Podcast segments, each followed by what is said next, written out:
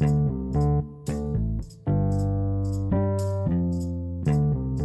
halo para pendengar, uh, selamat datang kembali di Sinar Tentang Data.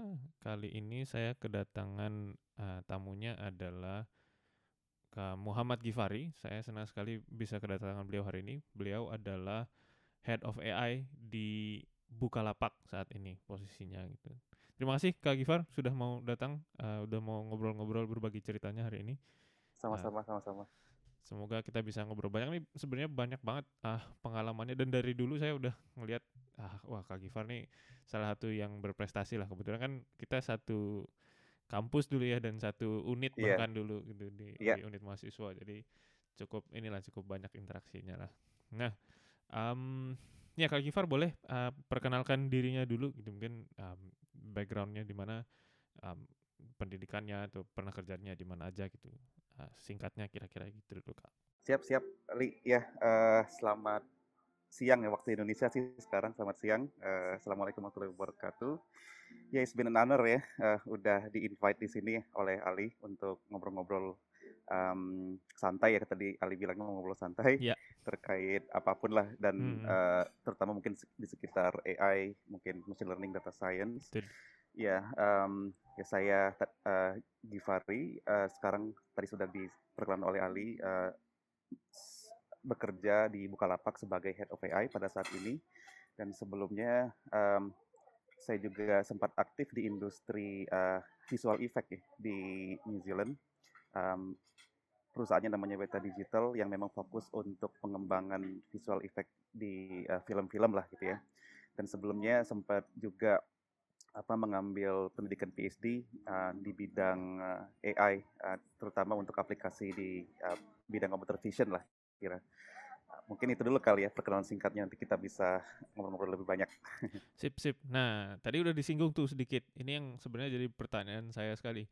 Um, Kak Gifar kan sempat um, yang di Weta Digital itu ya di New Zealand ngerjainnya kan sebenarnya uh, film production tadi di visual iya. graphicsnya yeah. juga dan yeah. kalau dilihat di profilnya Kak Gifar bilang itu ada ada deep learningnya di sana dan beberapa yeah. film yang Kak Gifar terlibat ini saya sebut sebagian aja ya ada Deadpool 2 terus ada War of the Planet of the Apes gitu nah sebenarnya mm. sebagai researcher um, apa sih yang sebetulnya dilakukan uh, dalam produksi film itu gitu terus um, di mana deep learningnya bisa bermain di sana oke okay.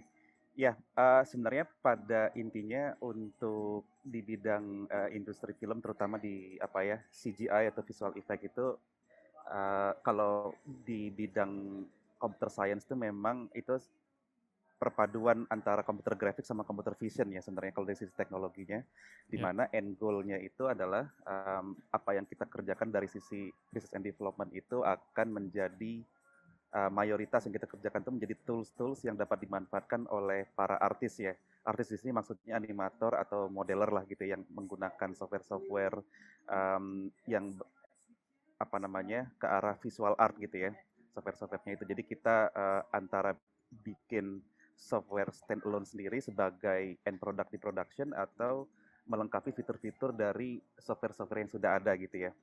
Nah di situ um, karena tadi intersection antara ya mungkin sedikit atau beberapa uh, bidang dari sisi dari sisi computer science itu dan itu uh, banyak sekali yang bisa dimanfaatkan terutama dari sisi uh, AI ya machine learning model atau deep learning untuk uh, semakin mengenhance atau meningkatkan uh, kualitas yang dihasilkan dari tools-tools uh, um, yang kita develop untuk kebutuhan uh, internal para artis itulah kira-kira dan uh, uh, ya end end produknya atau end end resultnya mungkin ya uh, uh, dari yeah. software seperti itu tentunya mm -hmm. berupa karya-karya uh, ya apa uh, visual art video-video yang nantinya akan uh, menjadi uh, di, di dirangkai menjadi film gitu ya di di, di um, yang yang yang apa namanya uh, disajikan um, untuk untuk penonton lah kira-kira seperti itu dan apa namanya uh, untuk kebutuhan tentang terutama di machine learning gitu ya karena sekarang juga mungkin saat udah di periode yang tepat untuk memanfaat itu karena uh, data yang disimpan juga makin banyak gitu ya yang terkait uh, artefak-artefak visual okay. itu hmm. dan itu kita bisa memanfaatkan machine learning atau deep learning untuk um, memproses ya data-data visual atau berupa audio itu untuk kebutuhan apa pun lah yang dibutuhkan oleh animator atau modelernya itu. Oke, okay. um, boleh kasih contoh lebih spesifik nggak kira-kira uh, apanya sih yang yang dilakukan kalau mungkin uh, ray, ray tracing kah atau apa gitu saya kurang tahu juga sebenarnya di mananya. Ya, ya mungkin salah satu yang kita kerjakan itu uh, terkait facial pipeline sih sebenarnya. Jadi uh, facial pipeline ini yang uh, maksudnya adalah dimulai dari uh, motion capture, di mana kalau di anim apa animasi itu biasanya yang memang uh, sumber dari motionnya itu dari aktor manusia ya. Jadi yeah. memang ada okay, aktor okay. manusianya. Mm -hmm. Terus itu diberikan apa semacam uh, apa peralatan-peralatan atau mungkin kostum ya yang tujuannya untuk mengcapture motion dari aktor uh, human itu ya mungkin kalau pernah ngelihat ini ya ada muka yang dikasih titik-titik gitu ya iya, kayak yeah, yeah, apa yeah. Di, dipasang device mm-hmm. dan itu kita kan bisa capture uh, signalnya ya yang berupa motion itu dan apa namanya um, itu bagaimana caranya kita memanfaatkan signal itu untuk kita transfer motion itu menjadi uh, sesuatu yang uh, bisa menganimasi uh, 3D karakternya lah gitu ya di di di, di komputer gitu. Okay. Dan sebenarnya uh, it, it, ya it, it, itu mungkin namanya facial motion capture ya uh, uh, apa namanya uh, problem itu. Di mana sebenarnya solusi sebelumnya sih itu uh, sudah banyak tools yang udah ada dengan pendekatan optimization ya terutama semacam uh, apa uh, visual matching ya. Jadi uh, mencocokkan antara misalkan 3D karakternya dengan informasi uh, marker yang didapatkan dari uh, proses motion capture itu gitu. Dan apa salah satu problemnya dengan menggunakan optimization tanpa memanfaatkan apa pendekatan data driven itu mungkin hasil uh, awalnya itu susah untuk diedit lah gitu ya. Jadi uh, effortnya masih terlalu besar untuk animator untuk memperhalus hasil uh, transfer motion tadi ya dari dari dari human character to uh, computer 3D karakter gitu ya. Terus uh, Nah, kita bisa membuat hasil initial motion itu jauh lebih baik kalau kita bisa menggunakan pendekatan statistik atau data driven itu sehingga dia langsung mengcapture ya dia bisa mengcapture non linearity-nya lah kira-kira ya dari dari gerakan-gerakan uh, aktor sebenarnya itu sehingga okay. hasil awalnya itu bisa lebih smooth, lebih natural gitu ya. Sehingga ketika animatornya atau artisnya untuk melakukan pengeditan itu akan jauh lebih mudah dan lebih singkat gitu untuk uh, melakukan penghalusan dan akhirnya bisa untuk membuka opportunity atau peluang juga fokus kepada hal-hal yang sifatnya lebih ke artistiknya dibandingkan untuk uh, semacam apa ya low level atau pekerjaan kasarnya lah gitu ya untuk melakukan matching yeah, saja yeah. gitu jadi hmm. jadi lebih fokus ke visual apa uh, creativity-nya gitu. Oke, okay. um, ini kalau kita bicara lebih teknis sedikit, benar nggak kalau misalnya saya bilang ini arahnya lebih ke arah uh, style style transfer gitu, mirip seperti style transfer gitu atau sebenarnya teknologinya uh, lebih berbeda lagi? Ya, sebenarnya mungkin lebih simpel dari itu ya. Sebenarnya uh, ini bisa dikatakan pendekatan supervised learning uh, multivariate regression lah kira-kira ya. Okay. Jadi um, karena kalau misalkan bagian familiar dengan proses animasi itu uh, biasanya um, para modeler atau animator itu menggunakan semacam slider-slider gitu ya. Kalau mungkin yang pernah pernah me, apa uh, meng, mengoperasikan software-software animasi itu hmm. dan misalkan kalau kita berbicara di uh, wajah ya karakter wajah itu biasanya slidernya itu berasosiasi dengan otot-otot wajah misalkan ya. Okay. Jadi um, misalkan kita punya uh, 50 slider ya Nah, 50 slider ini mungkin slider A-nya itu untuk menggerakkan mata ya atau slider B menggerakkan pipi misalkan slider yeah. C menggerakkan mulut dan itu biasanya ada asosiasi dengan otot-otot wajah. Dan uh, problemnya adalah uh, bagaimana informasi dari motion yang dihasilkan oleh marker-marker tadi gitu ya dari dari pipeline apa uh, source-nya itu yang di capture oleh device tadi untuk di mappingkan kepada nilai-nilai yang ada di slider itu gitu. Oh, Oke. Okay. Jadi ini sebenarnya supervised learning um, apa uh, multivariate regression yeah, iya, problem. Yeah, yeah. Ya tentunya itu hanya satu ini sih satu satu problem. Yeah. Memang ada problem yang lain yang uh, pendekatannya memang lebih mirip ke style transfer gitu. Oke oke. Sip sip sip. Oh menarik sekali nih sebenarnya uh, mainannya di CGI ini. Um, so anyway itu gambaran umumnya aja dulu ya. Terus kan Iya kemudian betul. setelah sekitar tiga tahun ya Kak Gifar di sana.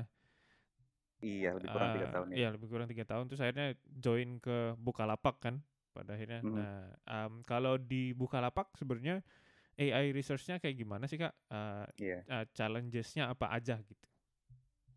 Ya, oke. Nah, mungkin dari sisi uh, domain yang memang jadi fokus di e-commerce ya, terutama Bukalapak itu sebenarnya memang uh, tidak jauh-jauh dari customer experience ya. Bagaimana Ya. pada intinya semua hal yang dilakukan uh, dari sisi teknologi itu akan membantu meningkatkan uh, kualitas dari customer experience yang kita mau provide ke para user gitu ya. Jadi um, di situ aspek customer experience-nya banyak bisa kita uh, elaborasi lagi ya dari di, dari berbagai aspek misalkan terkait personalization and recommendation gitu ya Oke. yang nantinya akan arahnya kepada pengembangan apa AI uh, apa namanya uh, powered recommendation atau search engine yang um, bisa kita uh, enhance juga kemampuannya dengan memanfaatkan um, apa namanya NLP dan uh, apa namanya uh, Computer vision juga. computer vision misalkan gitu Ya. ya, di gimana di situ kontribusinya untuk uh, juga semacam image quality enhancement dan sebagainya gitu ya, atau juga ada aspek untuk melakukan filtering juga gitu bisa seperti itu. Jadi kita uh, misalkan nggak mau menampilkan produk-produk yang memang mungkin kurang bagus atau bahkan ada yang kurang pantas gitu yang tampil di di marketplace ya. Ah, Jadi itu um, ya perpaduan dari berbagai aspek dan uh, pada akhirnya itu ke arah customer experience. Ya ada, ada juga mungkin yang cukup baru yang kita kerjakan gitu ya kurang lebih uh, satu tahun terakhir lah ya. itu terkait produk-produk investment gitu ya. Karena kita di Bukalapak pun memiliki produk seperti Buka Emas atau Buka Reksa ya yang um, aset produknya berupa ya berupa emas itu atau uh, reksadana. Dan di situ kita mau juga kembangkan bagaimana kita bisa memanfaatkan machine learning untuk melakukan misalkan uh, portfolio asset allocation ya. Jadi Oke. menyajikan semacam paket untuk para calon investor atau investor uh, paket mana yang sesuai dengan karakteristiknya misalkan Iya, ya iya. dia uh, profilnya misalkan risk averse yang cenderung main aman misalkan ya atau moderate atau Hmm. mungkin risk taker yang dia cukup uh, berani lah gitu ya dan Oke. itu akan dicocokkan dengan kira-kira uh, paket investasi apa yang sesuai dengan karakter dia gitu ya dan itu juga kita menggunakan teknik-teknik machine learning lah gitu dan juga ada juga terkait forecasting ya uh, bagaimana har- pergerakan harga uh, aset-aset tersebut di masa yang akan datang gitu Oke, oh, menarik sekali. Sebenarnya banyak juga ya mainannya eh, berarti dalam banyak uh, banget sebenarnya peluangnya banyak banget nih Oke, oke. Nah, um, kalau ini kalau saya salah tolong koreksi ya Kak. Kalau di Mhm. Bukalapak itu setahu saya ada data scientist, ada AI scientist. Nah, uh, mungkin ada juga machine learning engineer-nya. Nah, perbedaannya kalau di Bukalapak spesifik itu sebenarnya uh, seperti apa sih? Ya, sebenarnya historically memang uh, tim data science itu udah uh, jauh uh, lebih awal ya dia terbentuknya gitu ya, di mana waktu itu memang uh, fokusnya lebih kepada business intelligence ya, yang uh, untuk mengenerate insight lah untuk mengambil keputusan-keputusan ya. Jadi memang lebih Mhm. fokus di data processing atau data analytics dan sebagainya ya. Jadi memang outputnya berupa generating insights gitu. Um, nah, semenjak ya pertengah mungkin di tahun 2016-2017an lah di situ ya. Nah, di situ baru kita uh, bermain di layer yang lebih atasnya yaitu di modelingnya atau di AI machine learningnya itu Oke. dan mulai uh, semacam dari sisi engineeringnya pun kita coba untuk govern lah gitu ya atau mungkin kita rapihkan gitu ya uh, in- engineering infrastrukturnya. Nah di situ uh, tim AI itu mulai uh, dibentuk dan apa namanya berperan di situ dan fokusnya lebih kepada pertama memang di layer modeling gitu ya. Yang kedua adalah di uh, untuk engineeringnya itu ya jadi model deployment dan uh, platform-platform apa yang cocok untuk large scale kebutuhan Bukalapak ya. Jadi bagaimana kita men-serving model itu sesuai dengan uh, kompleksitas atau uh, skalabilitas yang kita inginkan lah kira-kira itu eh, role-nya. Walaupun ya kalau dari sisi apa ya demografi skill setnya atau timnya itu sendiri mungkin banyak intersectionnya gitu ya antara data Mhm. scientist, Ya. uh, AI uh, scientist, um, mungkin AI engineer ya. Walaupun yeah. mungkin di engineer ini yang memang uh, lebih kepada uh, beratnya di software engineering dibandingkan uh, apa uh, machine learning yeah. knowledge ya gitu ya kira-kira. Hmm. So kalau sekarang berarti yang misalnya task kayak yang tadi disebut ada computer vision, ada NLP itu jatuhnya lebih banyak dihandle sama uh, yang rekan-rekan dari AI scientistnya gitu betul. ya, daripada data betul, scientistnya betul. gitu. Oke. Okay. Um, nah terus kalau kalau tasknya mungkin yang yang lebih sering difokuskan gitu di di apa sih kak gitu maksudnya kalau misalnya kayak computer vision um, tadi kan sempat disebut beberapa gitu ya boleh yeah. dikasih gambaran lebih lanjut lagi nggak gitu jadi yeah. uh, challengesnya sebenarnya di mana apa hmm. yang yang membuat itu serunya gitu mungkin lah iya iya ya mungkin justru yang mayoritas sih masih di ranah NLP ya kayaknya ya kita okay, kita okay. bermainnya itu yang memang arahnya ke search engine dan uh, recommendation itu ya jadi salah satu contohnya itu ya sebenarnya kalau dari sisi search bisa sifatnya pre-processing atau post-processing ya. Nah mungkin kalau dari sisi post-processingnya itu bagaimana misalkan uh, kita membantu untuk meningkatkan hasil uh, search resultnya menjadi lebih relevan ya misalkan ya dengan memanfaatkan uh, misalkan uh, pencarinya itu aware terhadap kategori tertentu misalkan ya. Jadi um, apa namanya salah satu yang hal simple gitu ya, yang sudah dimanfaatkan itu bagaimana meminfer atau memprediksi suatu query yang dimasukkan oleh user itu kepada kategori-kategori yang sudah terdefine di Bukalapak misalkan gitu ya.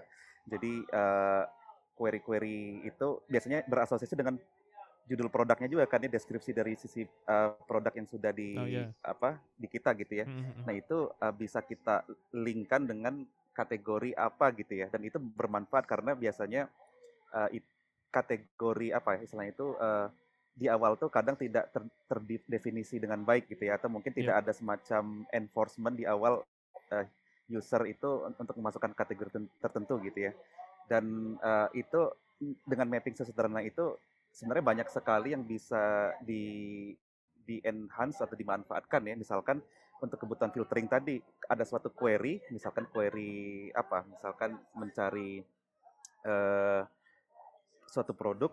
Nah, kalau kita tahu bahwa produk ini misalkan terasosiasi terasosiasi dengan um, elektronik misalkan gitu ya, dia akan bisa yeah. difokuskan di uh, untuk men menyajikan produk-produk yang elektronik gitu temanya dan sebagainya dan itu uh, ber, ini juga apa dari sisi filter suggestion juga bisa kita mainkan seperti ini. Uh, filternya kita bisa bikin dinamis tergantung dari query-nya. Kalau kebayang maksud saya gitu ya. Jadi hmm. uh, biasanya kan kalau filter tuh statik ya. Kita mau filter by apa by apa gitu ya. Okay. Nah kalau misalkan filter by kategori, kita bisa membatasi misalkan si query ini berasosiasi dengan top 3 atau top 4 kategori yang hasil inference dari model machine learning itu ya misalkan ya. Okay. Jadi misalkan uh, top tree-nya itu ya kategori A, B, C. Nah, itu yang kita akan tampilkan sebagai filter suggestion-nya itu. Nah, ketika query-nya berbeda, nanti filternya berubah lagi gitu. Jadi dinamis ya filter generation-nya itu.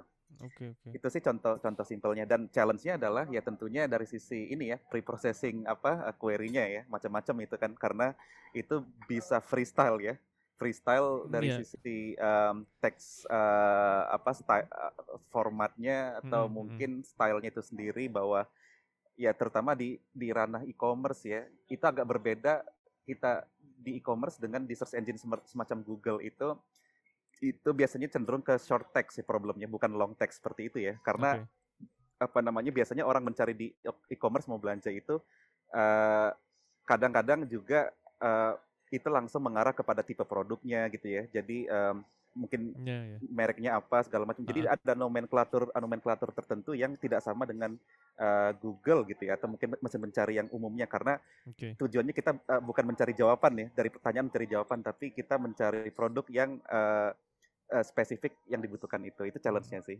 Dan yeah. tentunya bahasa Indonesia. Itu challenge juga. Oke. Okay. gitu ya. Bahasa Indonesia itu suatu challenge juga kalau menurut saya gitu. Hmm, uh, nah, kalau nah tadi kan sempat bicara tentang bahasa Indonesia juga. Kalau di berarti seberapa susah sekarang maksudnya kan sekarang udah ada perkembangan juga di uh, Indo NLU ada paper yang baru rilis kan yeah. dari ACL yeah. yang kerjasama itu terus kemudian mm-hmm. ya dengan adanya very large scale transformers itu um, apakah membantu uh, untuk untuk dibuka lapak case-nya gitu. Jadi udah mulai implementasi ke sana yeah. atau memang secara um, apa ya, secara komputasi masih terlalu mahal gitu atau misalnya uh, kayaknya trade off-nya masih walaupun betul, mungkin betul. bisa tapi trade off-nya belum yeah. cukup baik gitu. Ya. Yeah. Ya, pertama sih terkait perkembangan NLP di apa untuk konteks bahasa Indonesia sih ya memang ini ya good news juga ya yang kita perhatikan makin banyak development dan makin banyak perkembangan ya salah satunya tadi terkait um, model yang mungkin lebih powerful ya dibandingin sebelumnya yang yeah. Ya. uh, knowledge base-nya bahasa Indonesia yang di training dari korpus yang cukup uh, besar gitu ya. Ya memang kita sebenarnya um, terus ada semacam research yang berkesinambungan ya dari sisi uh, model-model uh, yang lebih sophisticated semacam itu. Walaupun memang kalau dari sisi penggunaan kita juga masih um, bisa dibilang kalau untuk saat ini fokusnya ya lebih kepada trade off antara itu tadi ya performance dengan uh, performance dalam sisi dari, dari dalam dari sisi akurasi atau yang sifatnya technical performance gitu ya dengan uh, apa namanya model complexity lah gitu ya, yang berpengaruh kepada kecepatan proses atau latensi dan sebagainya gitu ya. Jadi kita cenderung mencari trade off itu gitu ya. Dan uh, yang kedua adalah ya memang walaupun itu modelnya cukup powerful ya. Nah dari percobaan kita walaupun uh, tidak yang yang yang NLU apa Indo NLU itu belum kita coba untuk lakukan riset secara lebih komprehensif ya dengan okay. percobaan kita yang sebelum-sebelumnya hmm. yang memanfaatkan transformer transformer based model itu kita masih mengalami kesulitan untuk uh, model tersebut bisa layak pakai yang bisa memenuhi trade off tadi yang saya bilang tadi ya yeah. antara performance dengan uh, model latensi atau complexity itu ya. Okay. Jadi memang kita cenderung um, apa namanya mencari uh, model yang lebih simple dan kira-kira performance-nya itu cukup acceptable ya yang di production itu. Okay. Dan yang kedua sebenarnya yang jadi tantangan karena mungkin balik lagi ke poin tadi ya, yang yang korpus tadi uh, biasanya dari di, di training dari yang memang di teks-teks yang lumayan terstruktur ya, yang yang yang ah, okay, sedangkan yeah. yang kita butuhkan itu justru yang yang bisa aware terhadap typo gitu ya. Kalau misalkan yeah, ya, yeah. apa dari karakteristik yang kita terima, yang query-query kita terima ya banyak sekali typo-typonya, banyak sekali yang itu tidak terstruktur dan mungkin semacam apa ya temporal relationnya mungkin tidak serapi kalau teks-teksnya berupa korpus di Wikipedia atau mungkin di artikel-artikel yeah. yang yang panjang gitu ya. Jadi hmm. bisa jadi dia uh, apa ya? Kita mungkin butuh sesuatu yang lebih aware terhadap itu gitu dibandingkan sesuatu yang uh, language model uh, yang lebih rapi ya. Mungkin kalau kita bawa pakai term sendiri bisa nggak kita bikin uh, apa short text language model ya. Kalau itu okay. ada itu mungkin mungkin itu sesuatu yang uh, mungkin game changing kali ya di bahasa Indonesia. Iya iya iya. Wah menarik menarik. Oke, okay, jadi yeah. challengesnya ada ada macam-macam ya sebenarnya. Jadi Betul. short text tadi itu juga kendala tersendiri gitu.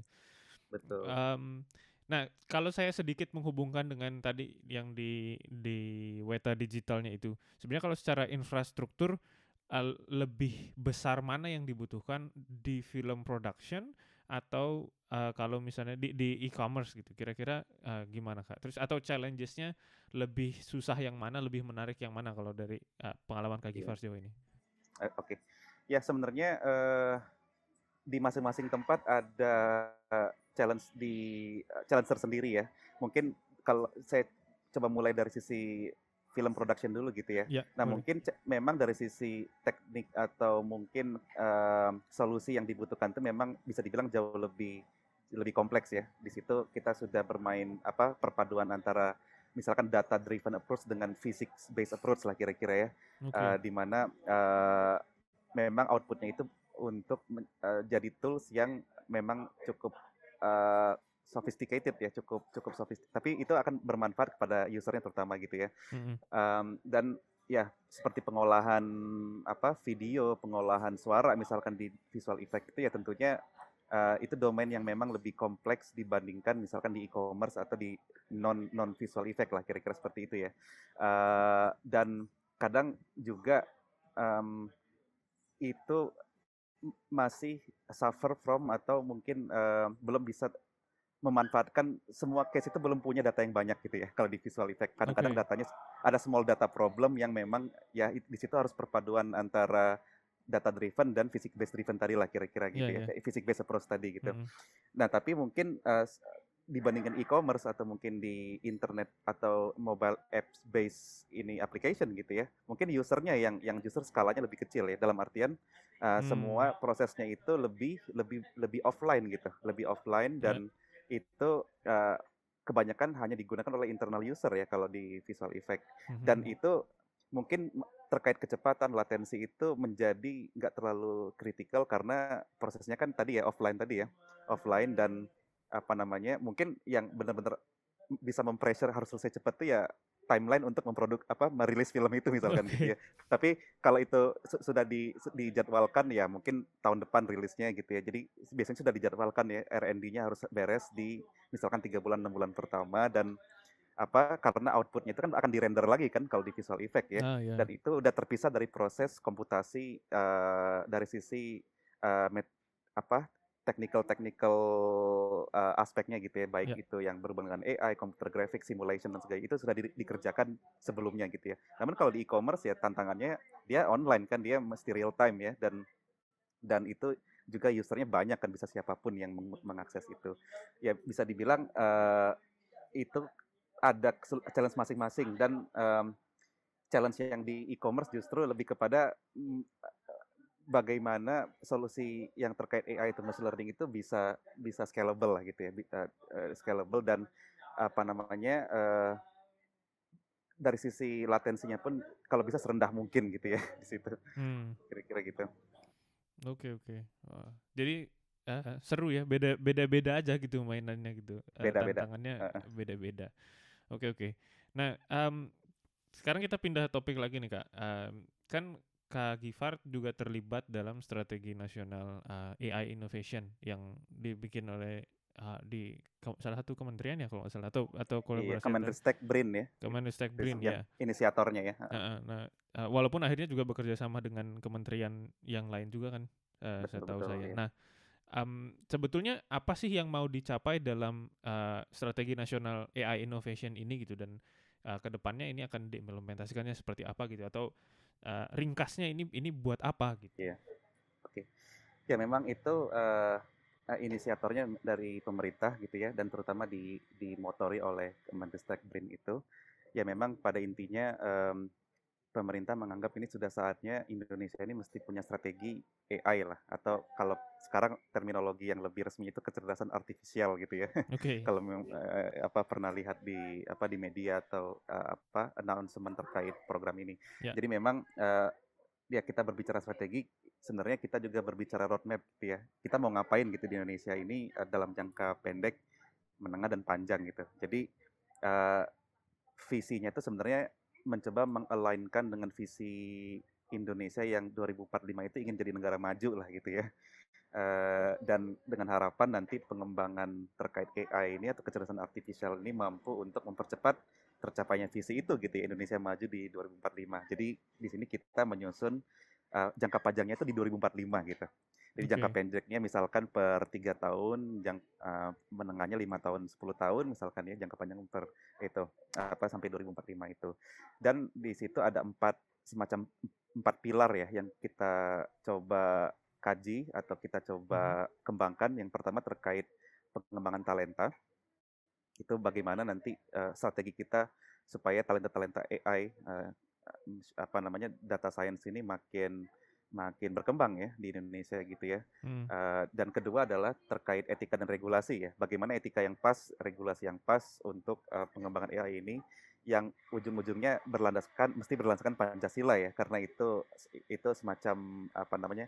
Um, reference utama kita gitu ya, terkait yeah. etika dan regulasi itu. Hmm. Yang ketiga ya terkait riset dan inovasi industri yang memang arahnya bagaimana uh, teknologi itu lebih uh, mindsetnya ke arah demand driven innovation ya. Okay. Jadi bagaimana itu nanti uh, arahnya ke pertumbuhan ekonomi gitu ya.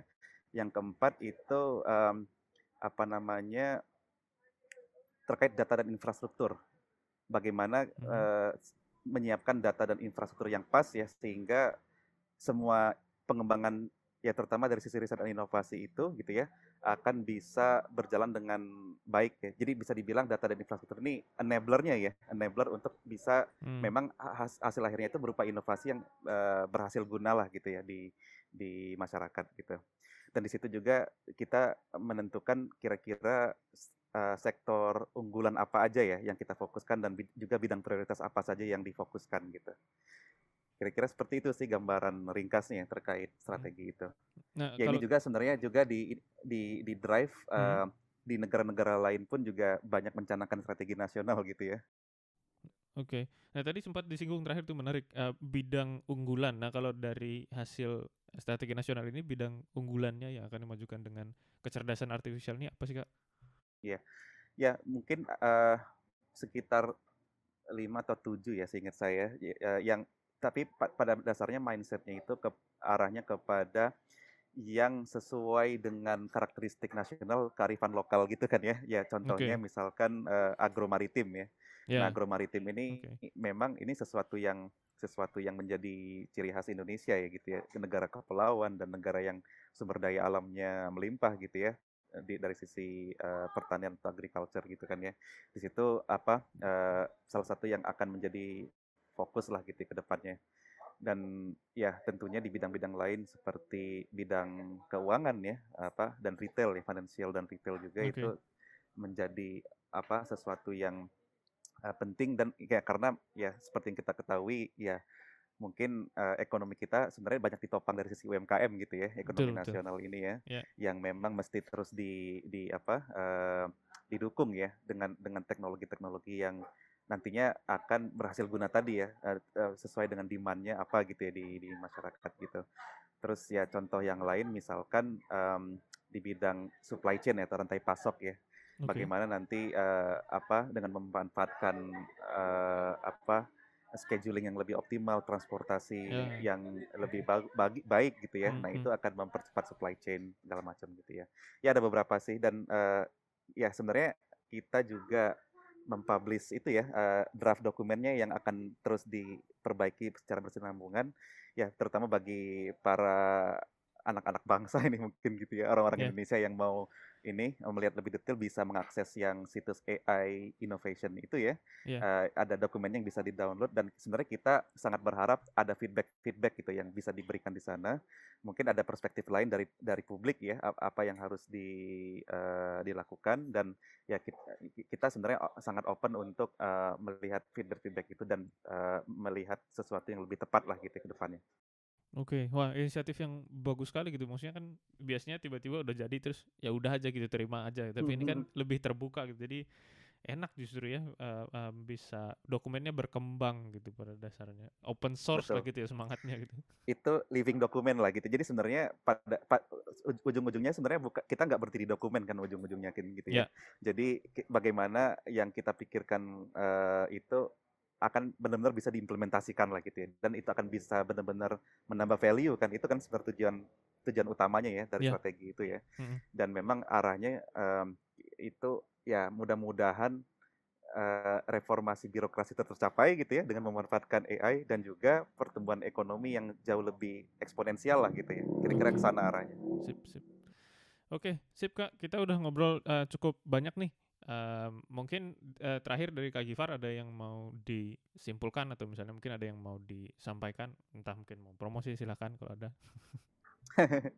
ya apa ya? Ya mungkin saya rasa terkait ini ya um, AI di Indonesia sendiri ya kalau menurut saya sebenarnya ini uh, peluang sekali ya, peluang banget bagi uh, para AI entusias atau mungkin teman-teman uh, yang berminat terjun ya uh, secara lebih dalam di bidang AI, data science uh, dan mungkin bahkan terkait engineering yang di bidang itu gitu ya. Dan yeah. uh, saya rasa ini uh, momen yang pas uh, karena semakin ke sini demandnya semakin tinggi tapi supply-nya yang justru kita saya rasa belum optimal gitu ya. Okay. Supply dari sisi tenaga-tenaga um, ahli di bidang AI ini dan yeah. itu uh, apa namanya kesempatan kalau memang kita mau mengisi ya, kita sendirilah mengisi itu ya. Jadi ya uh, ditunggu sekali ini uh, apa namanya uh, orang-orang yang benar-benar ahli di bidang ini dan uh, bisa untuk uh, ya dari dari kita sendiri mengembangkannya itu dan untuk uh, kemajuan uh, bangsa Indonesia lah gitu kira-kira seperti itu ya dan dari sisi apa industri pun ya makin ini ya makin banyak pilihan sekarang kan ya yang yang ingin ber apa terjun di bidang data science uh, machine learning AI itu ya di di Indonesia gitu kan ya dan apa uh, saya rasa um, di karena tadi ya supply-nya masih sedikit itu ya itu hmm. bisa dibilang uh, kesempatannya terbuka lebar uh, bagi uh, para para teman-teman uh, yang memang uh, ingin uh, berprofesinya di sana gitu kan ya. Dan ya termasuk Bukalapak juga sih. Jadi kita sebenarnya terus ini sih terus membutuhkan uh, ya pada saat ini pun bah bahkan kita membutuh, membutuhkan ya uh, AI engineer dan juga apa di level research apa manajerial pun kita butuhkan gitu ya. Okay. kalau memang tertarik ya bisa menghubungi saya gitu ya. Yeah. Sekaligus ini promosi jadinya Ali yeah. ya. apa-apa Oke oke. Iya iya iya. Dan uh, ya mungkin mungkin uh, satu hal lagi gitu ya.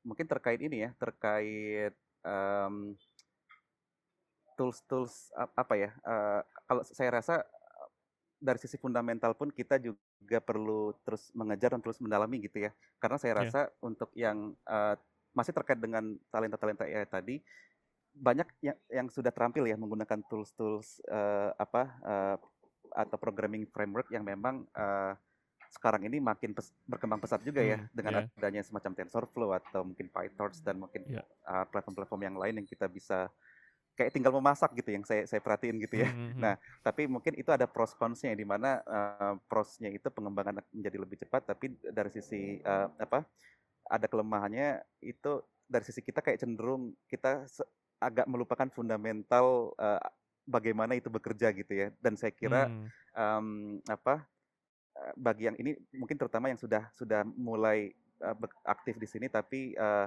ingin terus berkembang gitu ya saya rasa uh, pemahaman atau deep dive gitu ya dari dari sisi fundamental itu juga penting sekali untuk pengembangan yang lebih lanjut gitu ya. Kadang-kadang bahkan sesi, uh, untuk kebutuhan uh, semacam untuk menganalisis kenapa misalkan suatu metode tersebut tidak bekerja gitu ya atau kurang okay. sesuai dengan ekspektasi yeah. dengan pemahaman fundamental yang lebih strong itu akan lebih uh, mudah untuk kita get away dari problem itulah kira-kira gitu ya. Yeah, yeah. gitu. Sip, sip, sip. Terima kasih banyak Kak uh, untuk kesimpulannya, untuk saran-sarannya, untuk yang baru mau masuk ke dunia ini ataupun yang mau berkembang lagi lebih lanjut ke depannya. Um, ya Sama-sama. mungkin uh, kapan-kapan kalau ada kesempatan saya bisa undang-undang lagi untuk ngobrol-ngobrol lagi di sini. Mungkin kita akan ngobrol sama yang lain juga biar dapat berbagai siap, sudut pandang gitu ya. Um, ya itu aja. Uh, kalau begitu terima kasih banyak Kak Gifar sudah mau datang. Ya, terima kasih banyak Ali dan semuanya. Uh, terima kasih juga untuk para pendengar yang sudah mau mendengarkan sejauh ini. Uh, semoga bermanfaat untuk uh, kalian semua gitu ya. Terima kasih. Ciao.